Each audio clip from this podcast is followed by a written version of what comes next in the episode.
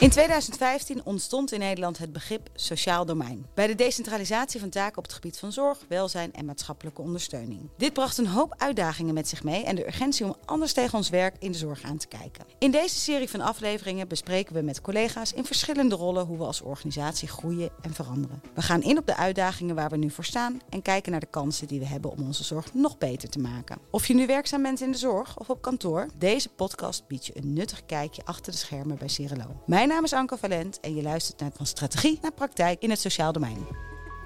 Cirelo kiest voor een positionering in het sociaal domein als specialistisch partner bij complexe casuïstieken. Dat betekent dat we niet alle zorg blijven doen en dat zijn lastige vraagstukken. Ik vraag me af waar we dan moeten staan. Moeten we als specialist achteraan de rij staan of juist meer in het voorveld? In deze aflevering ontdekken we samen wat de positionering betekent voor ons werk, onze cliënten en voor hun netwerk. Zijn we lang in gezinnen of zijn we ook actief bezig met hoe lang je in dat gezin blijft? Esther Hageman, manager Zorg Oost-Nederland, vertel eens. Ik vind dat je niet iets moet pamperen om het, om het, om het maar vol te houden en om het in stand te houden. De, de, dat vind ik dus ook heel belangrijk in intervisie en casuïstiek bespreken. Dat, dat je ook dat soort onderwerpen daar bespreekt. Wat is mijn toegevoegde waarde nog? Kan ik eruit of kan ik er niet uit? Of is er iets anders nodig? Die vraag heb je altijd te stellen. Dan heb je als professional zou je er altijd bewust van moeten zijn. Wat voeg ik je toe in het gezin of in deze situatie? Is dat nog van meerwaarde of kan ik eruit? En wat zou er gebeuren als ik eruit stap? Misschien redden ze zichzelf wel. Kan ook. denken wij dat wij met de beste bedoelingen, met de juiste intenties, dat wij nodig zijn. Maar is dat wel waar? Die vragen zou je altijd aan jezelf moeten stellen. Is het wel waar? Ben ik nog nodig? Of is het beter dat ik eruit stap? En wat ontstaat er dan als ik eruit stap? Mooi. Of ze het altijd even goed doen, dat weet ik niet. Maar die vragen, die, ja, die, die, die, die worden geregeld gesteld. Zeker gesteld. Ellen Sweers, manager polykliniek bij Advisium van Midden-Nederland. En andere kant van de medaille, je zei net, het kan zijn dat we zeven behandelingen uh, hebben gedaan, dat het dan een uh, zesje min is.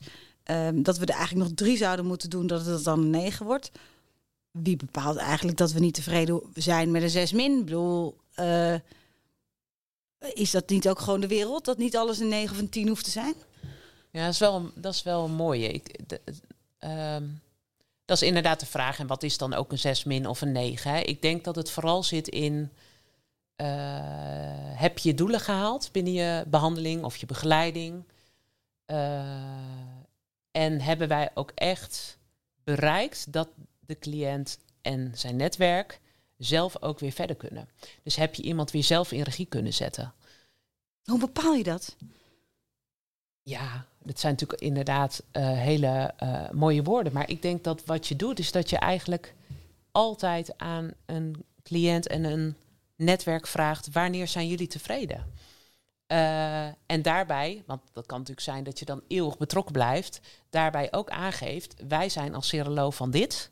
Hè? En dat kan betekenen dat als wij klaar zijn met dit diagnostisch onderzoek of met deze therapie of met de gezinsbehandeling, dat uh, jullie nog steeds aangeven, maar wij kunnen het echt nog niet zonder zorg, dan kan het zomaar zijn dat niet Cirelo daarin een oplossing gaat bieden, maar dat we met elkaar gaan kijken, kun je het uh, in je netwerk halen?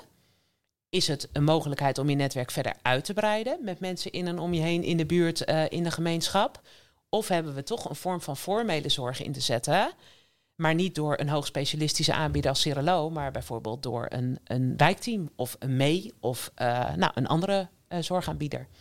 Die daarin gewoon ook beter zijn dan dat wij zijn.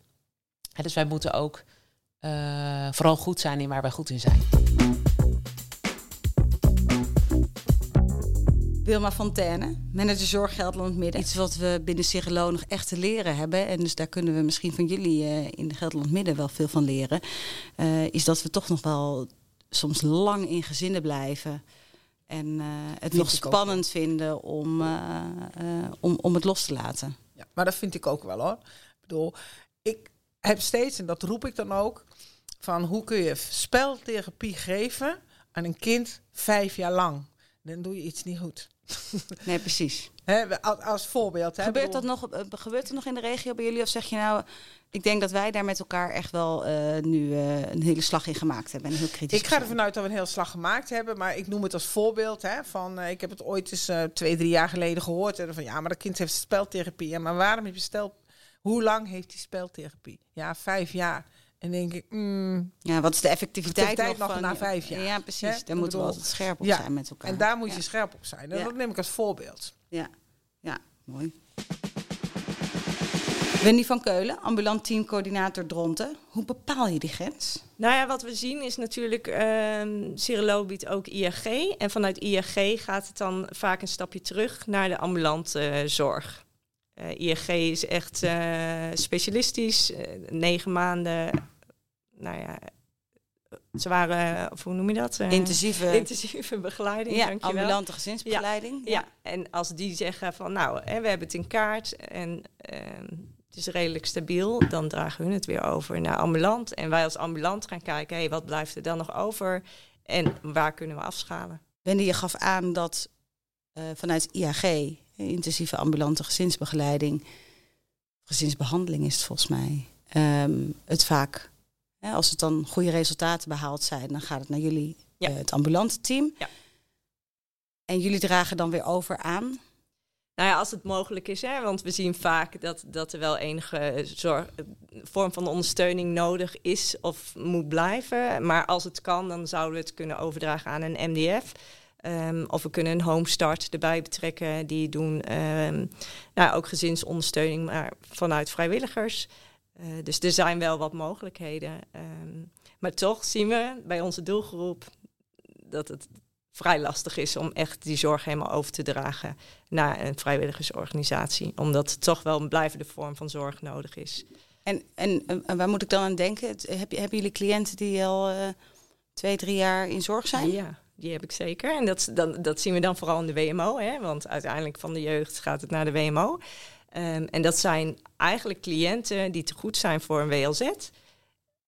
En, ehm, en daardoor eigenlijk bij de gemeente blijven hangen. Daar kunnen we geen WLZ voor aanvragen. Om, ja, dat lukt gewoon niet. En Ehm, hebben ze dan steeds opnieuw een nieuwe zorgvraag? Nee, eigenlijk niet.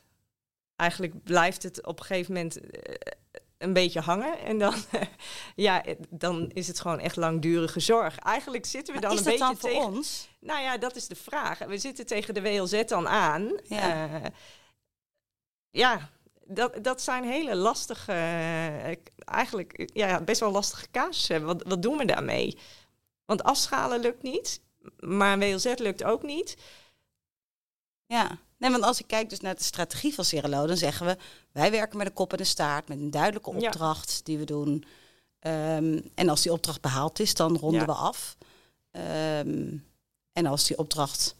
eh, hè, ik hoor jou eigenlijk zeggen, er ligt niet echt een opdracht. Het is een soort continue vorm van zorg. Ja, ja, dat zijn echt mensen die tussen wal en schip vallen. Ja. En dat maar is is ook best een NDF, hè, Maatschappelijke Dienst eh, Flevoland, is kan die dat dan niet? Nou ja, in sommige gevallen zou dat misschien wel kunnen. Alleen hier heb je dan een netwerk. eh, en, eh, als- ik spreek over de- deze cliënt, is er een, eh, een dochter die best wel heel bepalend is, waar best wel veel mee gebeurt. Waar mevrouw dan toch ondersteuning bij nodig heeft om, om haar grenzen aan te geven en te stellen. Dus ja, daarin zijn wij dan echt wel nodig. Ja. Ja, want wat ik dan ook wel denk is, ja, in die tijd dat je daar bent, eh, in eigenlijk een soort van continue z- z- zorgvraag die je eh, blijft beantwoorden, in die tijd kan je ook een nieuwe cliënt aannemen die wel misschien echt nog die hele specialistische zorgvraag Ja, heeft. Ja. We- in, het kader van weinig medewerkers en we moeten efficiënt met onze tijd omgaan. Ja. Is wel natuurlijk een beetje de zoektocht ook, hoe blijven we nou goed op die stoel van dat specialisme zitten? En durven we dus op een gegeven moment ook te zeggen, ja. dit, d- ehm, dit is niet meer aan ons. Ehm, want hier is geen eh, duidelijke opdracht meer. Nee, En eh, nou gemeente, eh, doe er wat leuks mee. ja, het is aan u om een, Ja, een ja. andere partij te vinden die Ja, deze continue Ja. zorg wel kan Ja, en, en dat is dan de vraag: wil je dat? Wil, wil je dat dan afschalen naar een andere organisatie? Ehm, of houden we dat in zorg? En ik merk binnen ons team Ehm, dat wij vanuit de WMO dus wel een aantal WLZ-aanvragen hebben gedaan, maar die dan ook bij ons blijven hangen. En dat vind ik eigenlijk zelf persoonlijk eh, niet een goede ontwikkeling. Ik denk dat we dat los moeten trekken, want het is echt wel, daarvoor zijn wij te duur, denk ik, om, om dat ook te doen. Ja. ja, en willen we het te specialistisch? Hè? We, zijn, we zijn specialistisch. Als we het dus- specialistisch willen houden, moeten we dat zeker eh, aan Ja. de kant schuiven. En dat is moeilijk, want dat zijn wat je eigenlijk net al omschreef. Cliënten waar je een warm hart bij hebt, Ja. waar je het netwerk van kent, Ja. die jou kennen, Ja. die jou graag eh, erbij eh, bijhouden. En verandering is sowieso niet Ja, leuk. Nee, Ehm, nee, dat zijn eh, wel eh, lastige vraagstukken, zeker. Ja. Ja, ja, ja, mooi. Ja, nou ja, interessant dat dat dus ook echt eh, bij jullie speelt en eh, eh, jullie ook bezighoudt. En daar, dat jullie daar ook over nadenken. ja. ja. Op welke onderwerpen kan Cirilo zich nou echt, eh, onderscheidt Cirilo zich nou echt van andere partijen? Andere organisaties in de, in de buurt? Nou ja, als ik naar onze regio eh, kijk, denk ik dat Cirilo eh, be- best wel breed inzetbaar is. Je hebt Advisium erbij, wat heel mooi is. Eh, je hebt de ING, ambulant. Dus eh, vanuit sociaal domein eh, kunnen we best wel heel veel leveren. En ook samenwerken met, met elkaar. Want de lijntjes zijn kort. Je werkt allemaal binnen dezelfde organisatie. Je weet snel iemand te vinden. Dus dat werkt wel heel prettig. Ja. Ja. Wilma, Wendy, Ellen en Esther. Ze kijken allemaal anders aan tegen het afronden van de vraag en het loslaten of overdragen van een jongere of gezin. Zo zien we dat maatwerk uiteindelijk de oplossing is. Want de visie zegt afronden, maar we merken dat de praktijk weer barstig is. We moeten hierbij soms tegen ons zorghart ingaan en dus continu blijven reflecteren. Zijn wij als specialistisch partner hier nog echt nodig? Of moet jij als specialist nu je tijd gaan besteden aan iemand die een urgentere vraag heeft? Wilma, wat is volgens jou specialistische zorg? Wat is dan specialistische zorg? Ja, bij ons, wij, onderscheiden het een beetje over als het een enkelvoudige vraag is. De, eh, dus het is gewoon, ja, eh, mijn kind wil niet spelen. Dan zit daar iets achter. Dat lijkt heel eenvoudig, maar dan kan daar iets achter zitten. Maar je hebt ook inderdaad een meervoudige vragen. Zoals mijn kind wil niet spelen, maar het praat nog niet, het loopt nog niet. Dus dan heb je echt hele andere problematieken. En dan, eh, maar dan ga je toch in het systeem kijken van wat gebeurt hier nou? Hoe komt het nou dat het kind niet zich optimaal kan ontwikkelen? En heb je dan ook wel eens dat, dat als je dan binnen bent, dat dan nou, de, de misschien wel enkelvoudige hulpvraag waarmee je binnen bent gekomen, toch wel complexer lijkt te zijn? Ja, ik denk dat dat vaak voorkomt. Dan, en dan zit het er voornamelijk toch ook in eh, dat ouders zelf nog een trauma bijvoorbeeld te verwerken hebben. Of, eh, en dat kan op allerlei gebieden zijn. Hè. Dat, eh, dat kan zijn om, vanuit hun eigen opvoeding, dat ze gewoon ook niet beter weten. Hè. Ik bedoel, dat daar al een stuk zit, dat herkennen we ook wel veel. Ehm, ja, en dan is het toch altijd weer terug naar de gemeente om dat te bespreken voordat we daar zelf in eh, gaan opereren. Waarom? Ehm, omdat ehm, dat, dat niet onze opdracht is in eerste instantie. Onze opdracht is de vraag die de gemeente stelt. En eh, zij zijn de betalers ook. En ook als ouders vragen van ja, wil je me hierbij helpen? Gaan we ook even terug naar de verwijzen. Dus het contact met eh, de wijkteam eh, of nou ja, elke gemeente noemt ze anders, is zo ontzettend belangrijk om daar een kort lijntje in te houden. Wil je de goede zorg steeds blijven kunnen geven? Margreet Ouwehand, lidraad van bestuur. Waar en wanneer vind jij dat we zichtbaar moeten zijn? Nou ja, zichtbaar moeten zijn. Dat is dus een. Kijk, dit is altijd de vraag. eh, wie ziet op het juiste moment dat er sprake is van die complexiteit. dat een derde instelling zoals Cirelo nodig is? Wie heeft daar de expertise al bij de voorkant?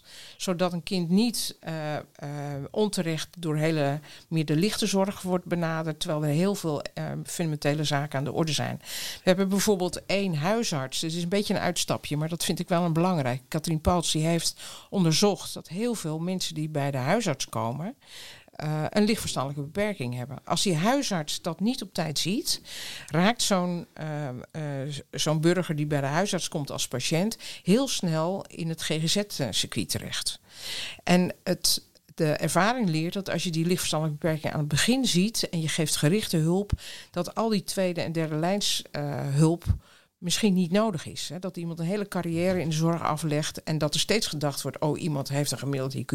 En dan blijkt dat veel lager te zijn, waardoor het verwerkingsmechanisme, dus het snappen van de wereld om je heen, het snappen van de ingewikkeldheid, een totaal andere, andere lading heeft dan iemand met een gemiddeld IQ. En dat je daar eigenlijk je hulpverlening op moet aanpassen. Nou, in de, in de jeugdhulp is dat precies hetzelfde. Dat eigenlijk de poort waar kinderen aangemeld worden, daar moet wel kennis en kunde zijn om te beoordelen. Is een kind wat richting specialistische behandelzorg direct al moet, dus direct naar de derde, uh, derde lijn of niet? De kunst is, hoe krijg je die, uh, die beweging daar? Want Um, het is natuurlijk, moet je, moet je zeg maar die expertise direct aan de poort al hebben bij de triage? Of zeg je nou, onze collega's in de eerste en tweede lijn moeten zo toegerust zijn dat die weten, zonder dat ze nou echt de expertise hebben om het zelf te doen, dat een kind wel of niet bij die specialistische zorg direct aangemeld moet worden. En ik zou met name investeren op dat laatste, dat dus die consultatiebureaus, dat de wijkteams weten dat wij bestaan, ook weten wat wij te bieden hebben. En dat ze toegerust worden om dat onderscheid te maken wanneer dat nou wel en niet nodig is. Wij kunnen onmogelijk in elk wijkteam zitten en bij elk consultatiebureau. Dat gaat gewoon niet. Maar wel moet er sprake zijn van een soort uh, kruisbestuiving tussen die derde lijn en die eerste lijn, zeg maar, die die kinderen voor het eerst ziet. Dat ze weten wanneer een kind bij ons het beste af is. En ik hoor, ik hoor veel dat gemeenten gaan voor steps care. Hè? Eigenlijk uh, beginnen bij het laagste ja. en dan steeds een stapje omhoog, steeds een stapje specialistischer ja. eigenlijk. Ja, als het niet um, werkt, het vorige stapje. Ja. En wij gaan meer voor match care. Dus dat je, hè, step care is in dat je, dat je volgordelijk een aantal stappen aflegt. En wij zeggen, nou, wij zijn liever voor matched care. Dus dat je uh, eigenlijk in het begin van het proces direct al kijkt, wat is de beste match? Welke zorg, welke, wat is de hulpvraag? Wat is de ondersteuningsvraag?